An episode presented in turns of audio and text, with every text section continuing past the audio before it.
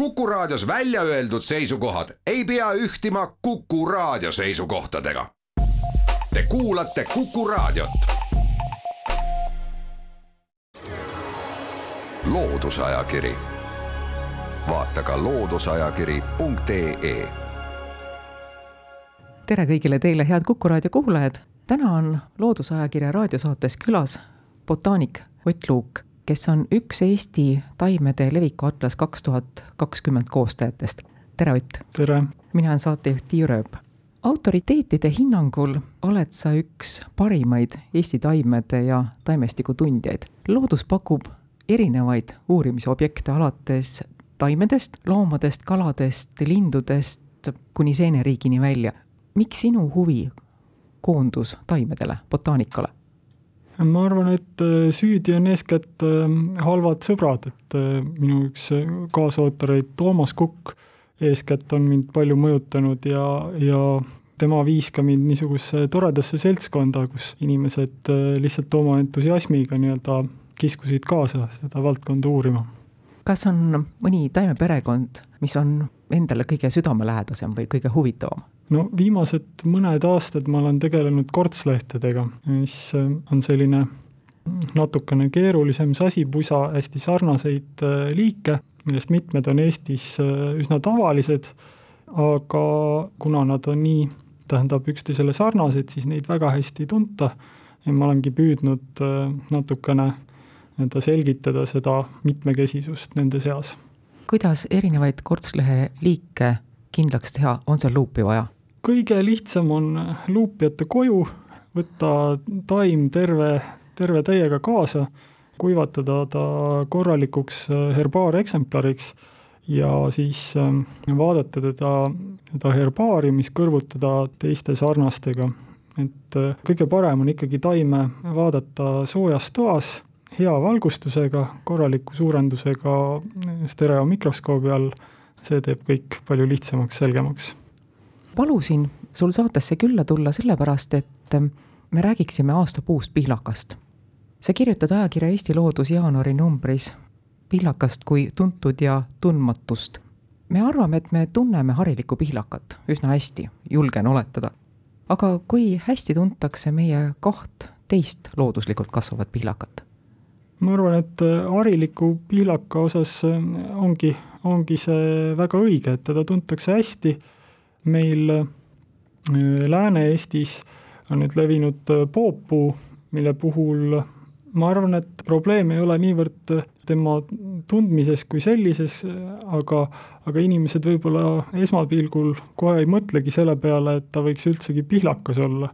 aga, aga nii-öelda põlvnemisloolt on nad väga lähedased ja, ja seetõttu on neid traditsiooniliselt ka hariliku pihlakaga nii-öelda samas mestis peetud ja meie teine, teine selline Lääne-Eesti haruldane looduslik pihlakaliik, tuhkpihlakas, ongi levinud äh, nii kitsal, nii-öelda kitsastes piirides äh, Lääne-Saaremaal, et äh, enamusel inimestel lihtsalt ei tule temaga kokkupuuteid. aga välimuselt, kui tal parajasti vilju küljes ei ole, siis võiks, võiks teda võib-olla hoopis lepaga sassi ajada temal niisuguseid äh, tüüpilisi klassikalisi pihlakalehti ei ole, tal on täiesti terved lehed, ladinakeelne nimi on tal olnud ka sorbus salicifolia, et on äh, seostatud hoopiski pajuga. pihlaka taimeperekonna nimi, teaduslik nimetus on sorbus, kust see tulnud on? see nimetus tuleneb hoopis äh, aedpihlakalt. aedpihlakas on niisugune tore puu, mis kasvab äh, looduslikult Kesk- ja Lõuna-Euroopas. meil võib teda käia vaatamas, kui ma ei eksi, siis Tallinna botaanikaaias, aga nimi aedpihlakas küll võiks viidata sellele, et teda aias kasvatatakse, siis äh, meie aedades teda siiski väga ei leia. probleem on selles, et ta ei kannata meie külmi ja heitlikke talvesid. küll aga oli ta väga populaarne tähtis viljapuu antiikajal, ka keskajal, kus siis ühesõnaga tema vilju tarvitati nii otsetoiduks kui ka mitmesuguste vägijookide valmistamiseks. Ja just nimelt see vili kandiski ladina keeles äh, nime sorbus ja sellest sorbusest tuletatud niisugused sõnad serv, serve on läinud ka näiteks inglise keelde, kus selle aedpihlaka nimetus on service tree, mida võiks nii-öelda toortõlkes võiks ju arvata, et tegemist on mingisuguse teenuse või teeninduspuuga, aga tegelikult on see siis ladina keelest nii-öelda mugandatud sõna, mis tähendaski seda aedpihlaka vilja.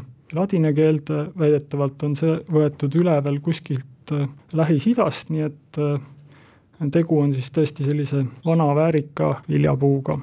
Kui populaarne aedpihlakas praegu maailmas on? praegu on ta viljapuuna üsna haruldane, sest tema viljad, mis on küll kõvasti suuremad kui harilikul pihlakal, neil on ikkagi selline suhteliselt terav, terav pihlaka maitse ja neid toorelt äh, toiduks ei olegi mõistlik tarvitada, vaid äh, peaks neid laskma nii-öelda järelvalmida, natuke nagu meie, meie pihlakamarjad, mis muutuvad nii-öelda magusamaks pärast esimest külmanäpistust kellel puutub näppu ajakirja Eesti Loodus jaanuari number, siis sinu artiklist saab ta seda teada, aga ma pärin ikkagi. sa kirjutad seda, et meie roosõieliste sugukonda kuuluvate taimede, sealhulgas perekond pihlakaliikide süstemaatika on noh, ütleme nii, ahastamapanevalt keeruline, miks see nii on? No kellele ahastama panevalt keeruline, kellele nii-öelda väljakutse või, või äh, selline lahtine väli uurimistööks, aga keerukaks teeb ta eeskätt selline moodne soov kujutada nende nimedega õigesti selle taimerühma põlvnemislugu. ja see põlvnemislugu sisaldab mitmeid hübridiseerumisi, igasugust niisugust inimese jaoks mittestandardset sigimist et äh, selles piilakate perekonnas on levinud äh, ka selline nähtus nagu apomiksis, ehk siis see on niisugune suguta sigimise vorm. suguta sigimine laiemalt sageli toimub äh, nii-öelda vegetatiivsete taimeosadega, et näiteks taime võib paljundada pistoksaga, võtate oksakese, pisate mulda, ta võtab juured alla, kasvab uus taim. Aga apomiksis nii-öelda kitsamas tähenduses on siis õistaimedel niisugune suguta sigimine, mis toimub seemnetega. ehk siis viljastamata õiest arenevad ikkagi seemned. Ja nendel rühmadel, kus sellist paljunemisviisi esineb, kipub olema palju väga lähedaste tunnustega, aga püsivaid äh, selliseid geneetilisi liine. Ja piilakas on üks nendest rühmadest. Kuna neid äh, liine on väliselt äh, suhteliselt raske eristada, siis siis põhjustab see nii-öelda pikas taimede kirjeldamise ajaloos palju segadust. loodusajakiri, vaata ka looduseajakiri.ee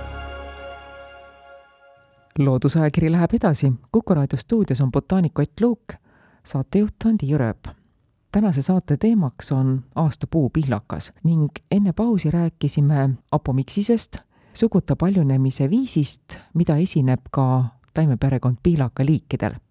kui palju leidub apomiksist?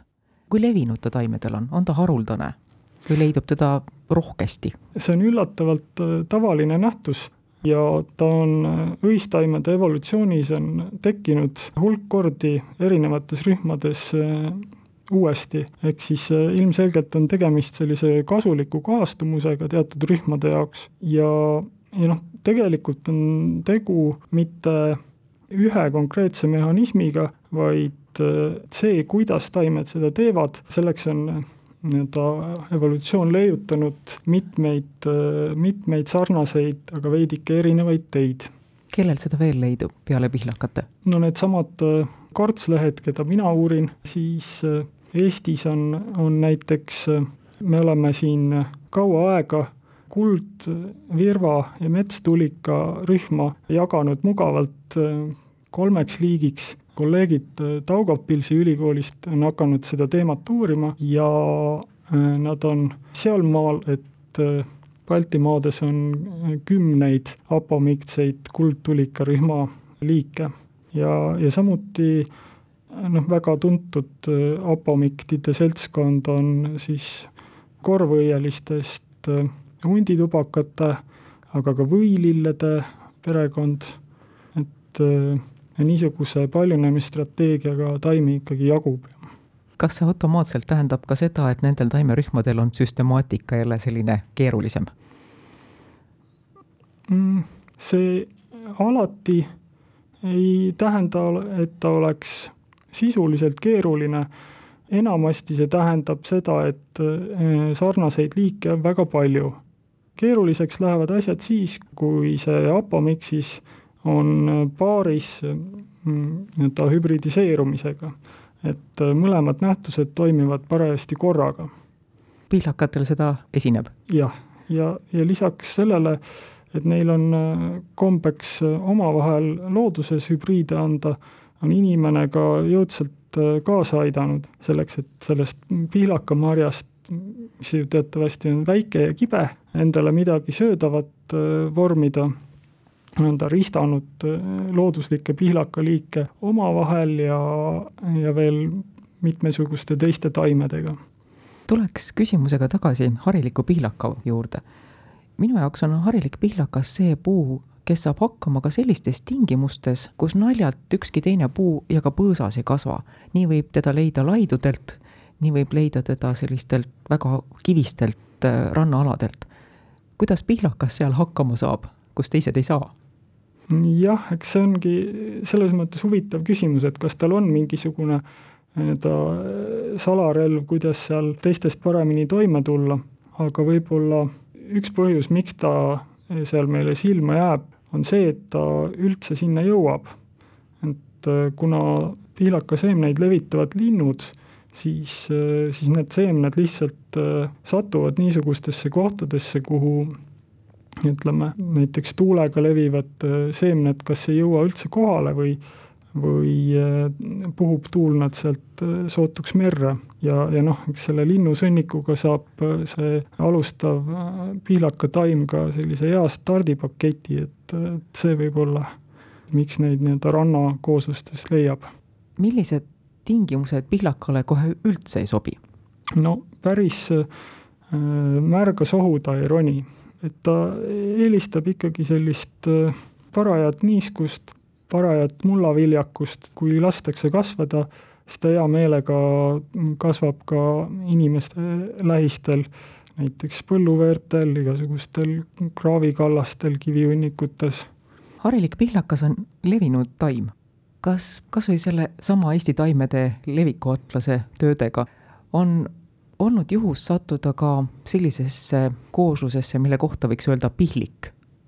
päris äh, pihlikut või pihlakametsa selles mõttes äh, mina näinud ei ole, kõige rohkem meenutavad või noh, meenutab seda mõnikord äh, mõne teise metsatüübi alusmets, et pihlakas võib nii-öelda moodustada päris tihedat teist rinnet, aga niisugust omaette pihlakametsa ta justkui ei taha teha.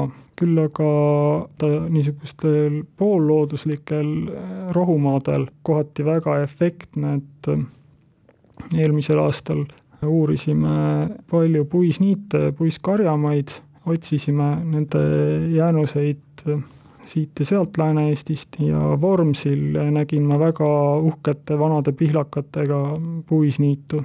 et kohati on on väga uhkeid pihlakapuistusid, aga ma arvan, et need on enamasti ikkagi seotud inimese käega. loodusajakiri tänaseks lõpetab. meie tuntud ja tundmatutest pihlakatest saab väga hea ülevaate ajakirja Eesti Loodus jaanuari numbrist. soovitame. saatejuht tänab külalist, aitäh, Ott Luuk, aitüma kuulajatele, jälle kuulmiseni. loodusajakiri vaata ka looduseajakiri.ee